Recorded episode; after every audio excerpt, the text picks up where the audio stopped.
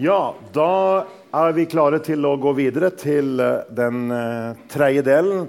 Vi begynte altså med hva er dette spørsmålet, uh, med samme struktur på alle fire kveldene. Hva er spørsmålet? Den andre delen er hvordan er de ulike svarene som er gitt. Og nå skal vi se litt på Bibelens svar på dette.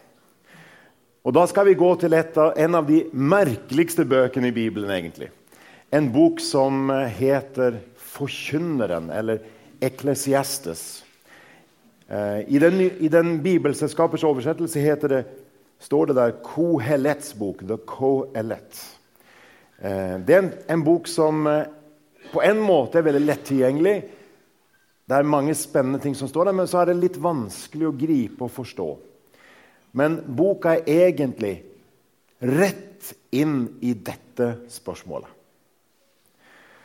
Um, og skal vi oppsummere hva boka dreier seg om, så er det egentlig som om vi finner at forfatteren beveger seg rundt og ser på det ene etter det andre og spør Rikdom, gir det mening? Visdom, gir det mening? Kjærlighet, gir det mening? Makt, gir det mening? Altså mening i seg selv. Kan det så å si, for å bruke bildet, bære hele tyngden av mitt og ditt liv? Det var en gang en som brukte det bildet, eh, som brukte bildet av at vi trenger noe som kan bære hele tyngden av vårt liv. Ikke bare deler av det men hele tyngden av både vårt liv og døden. Det er det som er spørsmålet. Meningen med mitt liv og med det hele, som Bjørn sa. Og Da er det at uh, forkynneren først sier det synes ikke å finnes noen mening. Når forkynneren, som vi bare kaller han da, kohelet, som han kalles på, på hebraisk, når han ser seg rundt og kikker, er det egentlig noen mening i rikdom? La oss ta rikdom som eksempel. Det fins et eh, fantastisk interessant, velskrevet alt her, avsnitt i kapittel 5 som vi kan lese bare for at, at det skal få liksom, eh, smaken på hva dette er. Sånn skriver forfatteren. Den som er glad i penger, blir aldri mett på penger. Den som elsker rikdom, får aldri vinning nok. Også dette er forgjeves. Jo større rikt eiendom, jo flere som skal leve av den. Hvilken fordel gir det eieren, annet enn at han får mer å se på? En slave kan sove godt, enten han har lite eller mye å spise. Den rikes overflod tar søvnen fra ham. Noe bittert og vondt har jeg sett under solen. Oppspart rikdom kan bli til ulykke for eieren. Eiendommen kan gå tapt i uheldig handel. Og når han får en sønn, står han der med tomme hender. For den som for som han kom fra mors liv, slik skal han vende tilbake, like naken som han kom. Ingenting har han igjen for sitt arbeid ingenting han kan ta med når han går. Kjenner du igjen denne her siste her? Du skal ingenting ta med deg. Ikke sant? Det er ikke tilfeldig at eh, Er det ikke Cornelius Vresvik? Er det ikke det? Er det, det, er ikke tilfeldig at en, en, en stor sang, eh, altså tekstforfatter som Vresvik henter tekster fra dette. Husker dere et utsagn fra ingen mindre enn Ole Paus? Han sa, 'Vi har alt', men det er også alt vi har. Og kanskje er det oppsummeringen av hele Forkynnerens bok. ikke sant? Vi har alt, men det er kanskje alt vi har. Det synes ikke å finnes noen mening så lenge alt kretser om meg. Så lenge jeg prøver å søke meningen innover står mye om det i forkynneren. Og så lenge jeg søker meningen i ting, f.eks. i rikdom Det synes ikke å finnes noen mening. Og så har vi dette veldig kjente ordet da, i, i kapittel 1, vers 2. Forgjeves, sier forkynneren. Forgjeves og forgjengelig. Alt er forgjeves. Altså, et annet oversettelse er 'alt er tomhet'. Alt er et jag etter vinden. Med andre ord det er akkurat som man tar på seg brillene til en som ikke tror at Gud i hvert fall er aktiv. Det er nok sånn at, at akkurat ateisme var ikke eh, så vanlig når denne forfatteren skrev for mange, mange år siden. Men det å på en måte skrive dette som om Gud ikke eksisterer, altså en form for praktisk ateisme Ja, meningsløst. Faktisk er det det. Det er på en måte som om det ikke finnes noe sted å hvile hele tyngden av vårt liv hvis ikke Gud er der. Alt er tomhet. For det tilfredsstiller ikke oss. Vi, vi, ikke, vi møter ikke tilfredsstillelse i livet egentlig hvis ikke Gud er der. Og det varer ikke. Det var det vi så for med det her. Det, rikdommen tar slutt. Livet tar slutt. Det er f.eks. En, en veldig sterk skildring av alderdommen i, i mot slutten av Forkynneren. Med bruk av bilder. og Dere kan gjerne lese det også som en sånn realistisk bilde av den avkledning som det å bli gammel er. Samtidig som det er et realistisk bilde av ungdommen sant? og alle livsfasene. Og hvordan hver livsfase er har sine utfordringer. Meningen varer ikke. Og når en søker under solen, er på jakt etter meningen under solen er begrepet. Dere husker kanskje uttrykket 'det finnes ikke noe nytt under solen'. Det er også tatt fra denne, denne bibelboka. Og Det er på en måte som vi ser at han søker etter meningen, men han finner den ikke. Ingenting kan bære hele tyngden av hans liv av det han ser. Under solen. Her møter vi altså et bilde av livet som skapning uten Gud.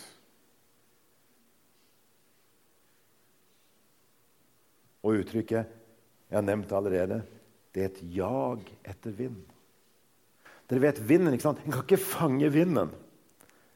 Det bildet her, ikke sant? På en måte Vinden forsvinner fra oss. Vi, vi, vi jager etter den. Det er umulig å fange den. Det er helt nytteløst. Det synes ikke å finnes noen mening. Og jeg tror det er viktig at vi ikke går for raskt fra dette punktet. For uh, dette er mange menneskers erfaring av livet. Mange menneskers opplevelse av livet er at det er ingen mening. Mange mennesker lever som om Gud ikke finnes. Mange mennesker lever enten aktivt uten å bekjenne Gud, eller i praksis uten å tenke på Gud og ha Gud med seg. så å si. Og da er dette et veldig sterkt, veldig treffende og veldig aktuelt bilde som mange mennesker kjenner seg igjen i. En liten refleksjon tilbake til dette filmklippet. Film, denne forvirra lille mauren som vi så. Eh, dere husker at mauren jo først var i denne scenen med psykiateren, og så kom mauren over til dette store, arbeidende storsamfunnet. En av de største tenkerne på 1800-tallet var veldig opptatt av menneskets arbeid. Og Hvis dere tenker litt videre nå, så vil dere sikkert tenke, tenke mange av dere på, på hvem jeg, jeg, eh, tenker på nå. Karl Marx. Han, som ga opphav til marxisme ikke sant? og til, til kommunisme. Han sa det at hva skjer når mennesket skilles fra arbeidet? Når den som arbeider, ikke får ha kontroll over midlene, produksjonsmidlene? Jo, da skapes det en fremmedgjøring. Alienasjon eller fremmedgjøring. En blir fremmed for seg selv. Og den følelsen av fremmedgjøring det er det vi møter her i Forkynnerens bok. Det som var Marks problem, var at han bare snakket om fremmedgjøring i økonomisk forstand. Han begrensa det til kun det. Ellers er det en veldig dyp erkjennelse. Og Det er jo på en måte en slags sekularisert versjon av kristen tro.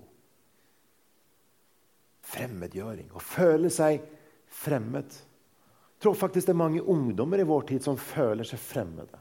Som føler at de på en måte ikke hører til. Som føler at de ikke har funnet identiteten. Sant? Livet er i flyt. Hvor skal en kunne finne en forankring? Hvor skal en kunne finne et hjem i overført betydning? Sant? Et sted å hvile. Et sted å forankre. Sant? Vi bruker ulike bilder. Sant? Å finne hjem. Eller en, et skip som trenger en, en, en, et sted å, å, å legge ankeret.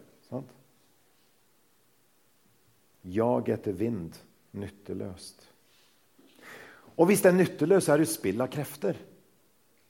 Det er jo bare tull å holde på å prøve å, å, finne mening, som Bjørn snakket om i stad. Det synes ikke å finne, finnes noen mening. Les gjerne gjennom hele Forkynnernes bok. Jeg tror at alle vil ha tilgang til en bibel til å kunne gjøre det. Les gjennom Forkynnernes bok. Det er ikke mer enn tolv kapitler. Lest på noen få minutter. ikke sant? Rett igjennom. Så vil dere møte denne følelsen av fremmedgjort. Ikke føle seg hjemme. Prøver det, prøver det, prøver det. sant? Ingenting klarer å tilfredsstille. Ingenting klarer å møte oss der vi er. Det er nytteløst. Det er et spill av krefter. Det er jag etter vind.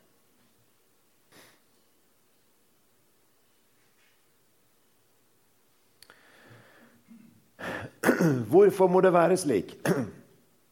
Her er det en dobbelthet. Mennesket er skapt i Guds bilde, og det står litt om det i kapittel 3, at mennesket eh, er skapt av Gud. Og Det er akkurat som om det ligger glimt underveis av hvem Gud er underveis i boka her.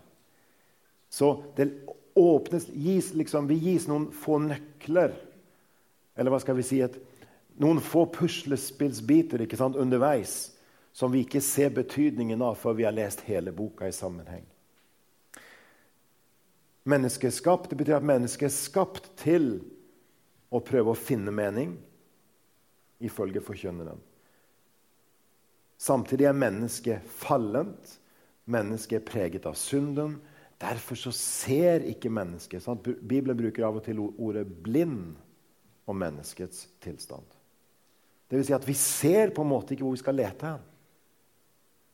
Vi ser ikke hvor meningen er å finne. Vi er skapt til å finne mening, men mennesket er fallent og finner ikke mening. Samtidig, midt under dette, så er det fordi mennesket er skapt, så ligger det en lengsel etter mening. Veldig interessant at her ligger det mange ganger i historien så har folk snakket om dette. her. Eh, på tysk finnes det et ord som heter sensort. Lengsel. Å trenges etter noe. Um, vi har bibelord sant, uh, som hjorten lengter etter uh, bekker etter levende vann. ikke sant, Så lengter osv. Det er den følelsen. Dere har alle sammen regner jeg med, hørt um, navnet C.S. Lewis, som skrev Narnia-bøkene. C.S. Lewis han har skrevet en bok som heter han skrev mange bøker, men En av bøkene han skrev, heter 'Surprised by Joy'. Overrasket av glede. Da var det riktignok med stor J, fordi han, han traff ei dame som het Joy, som overrasket han også. Eh, så det er på en måte en dobbelthet i det. Men han søkte, han beskriver hvordan han søkte etter å finne mening i tingene. Men hvis han prøvde det, så rant det som sand som rant mellom hendene. Det var ikke mulig å finne det. Men når han fant gjennom lengselen fant til den virkelige gleden med stor G Vi snakket litt om det tidligere. Giveren. Et, et, vi snakket om at, at, det er en gave. Den lengselen finnes etter mening her. Finner, og ene sida finner vi i boka det er nytteløst, et pessimistisk syn. Og egentlig er det realistisk, det vi møter i Forkynnernes bok. Fordi det, mange mennesker vil synes at det er nytteløst. En vil gi opp før en kommer frem. Gi opp langs veien, så å si. Fordi uten Gud så er vi rådville. Vi har på en måte ikke mulighet til å finne veien. Uten Gud så er vi usikre. Vi vet ikke er det riktig, er det riktig? Hva er sant, hva er falskt?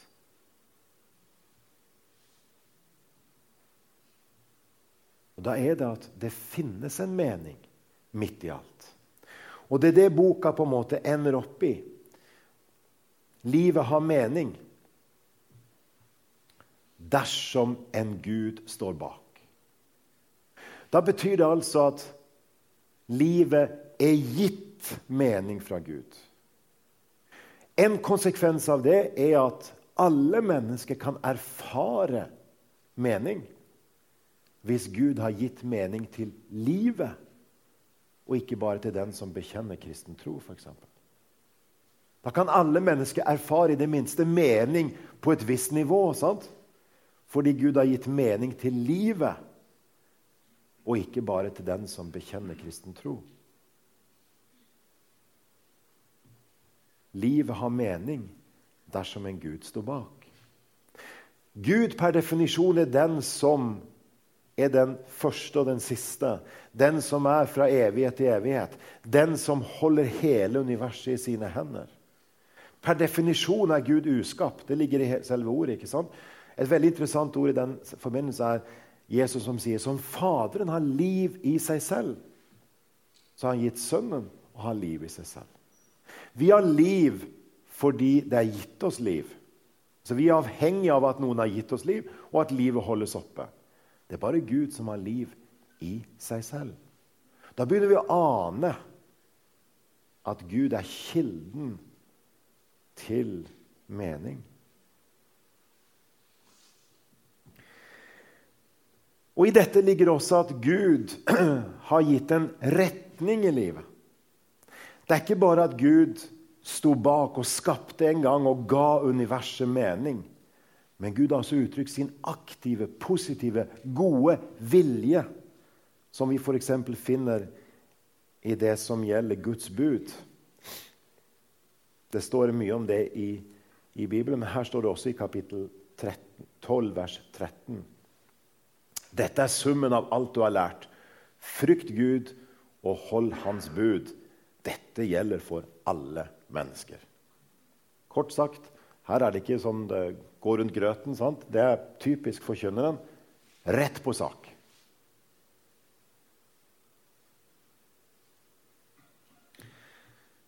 Da vil jeg si at skaperen, som kjenner til hvordan livet er, har gitt en retning for livet. Da vil jeg si at de, Guds gode vilje er ikke fra noen som er fremmed for livet, men noen som faktisk vet om hvordan livet er. Men finnes det en mening, så finnes det også en mening som går utover dette livet vi ser her og nå. Fordi Gud er jo utenfor sant, dette livet.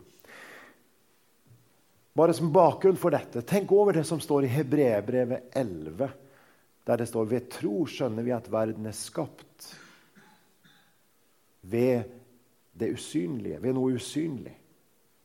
Vi skjønner at må bak verden må det stå noe større enn verden selv, altså Gud. Det skjønner vi ved tro. Ved å ta på oss på en måte de bibelske brillene så skjønner vi at det står en Gud bak. Og denne Gud har en retning og et håp for det hele. Og Siste vers i hele Forkynneren sier For Gud skal dømme hver gjerning, holde dom over alt som er skjult, enten det er godt eller ondt. Tidligere i Forkynnerens bok har det stått mye om at Ja, men tenk, det går jo de urettferdige vel. Hvis vi ser på livet, Det er jo ikke sånn at det lønner seg å tro på Gud alltid. Så enkelt er ikke livet. Og Det er samme sak som vi finner f.eks. i Salmenes bok, i Salme 73, Asafs bønn. Det er samme, samme tanke at, at, at, Asaf lurer på hvorfor går det de ugudelige vel. Det å tro på Gud er ikke en livsforsikring at alt skal gå så greit. Men det å tro på Gud har å gjøre med at vi anerkjenner at Gud er den som er livets opphav, livets opprinnelse, livets skaper, livets opprettholder. Og dersom Gud er the author of life, opphavsmann til livet, så har han authority over life. Hvis Gud er autor, forfatter, author of life, så har han autoritet over livet.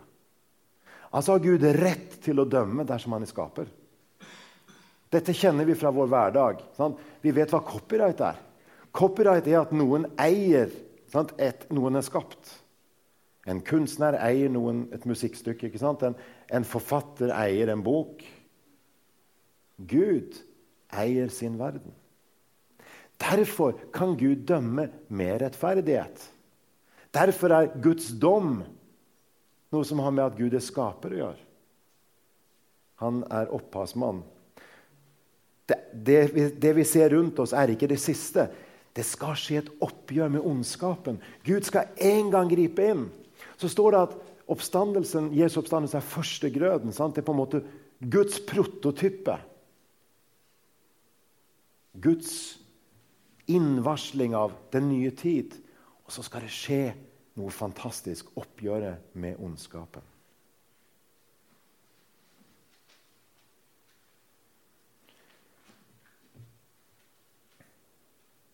Vi har alt, men det er også alt vi har, sa Ole Paus. En, egentlig en veldig sterk oppsummering. Enkel oppsummering og veldig dyp oppsummering av det som er forkynnerens budskap. Det synes ikke å være noen mening. Men fordi Gud er til, så er det en mening i Gud. Han har gitt retning. Han har gitt håp. Og så lever vi etter Jesus, ikke sant? etter Jesu døde oppstandelse. Dette er jo skrevet hundrevis av år før Jesus.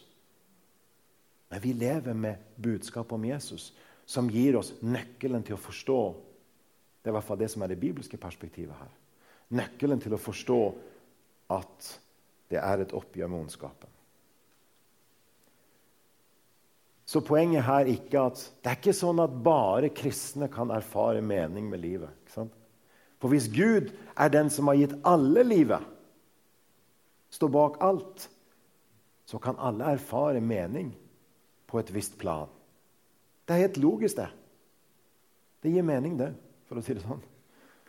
Um, men noe annet er å ha et personlig forhold til denne skaperen. Det har med tro å gjøre. Og så er det noe spesielt her at uh, denne boka er på en måte som en gave til vår tid. Den skildrer på, må på mange måter menneskets livsfølelse i dag. Vi kommer i nærkontakt med den fremmedgjøring som mennesket føler. Og så ser vi at dette er noe som på en særlig måte om vi bekjenner kristen tro, kan vi ta dette med oss, reflektere over det. Tenke over det i møte med andre mennesker. Hvordan kan vi dele dette? Kanskje hvis vi ikke har funnet frem til kristen tro, tenke over kanskje kristen tro allikevel er det som gir mening på det dypeste planet. Kanskje Gud som livets opphavsmann, Jesus som livets sentrum, Jesus som selve håpet er det eneste som bærer, klarer å bære hele tyngden av vårt liv, inkludert døden. Det er i hvert fall det bibelske budskapet.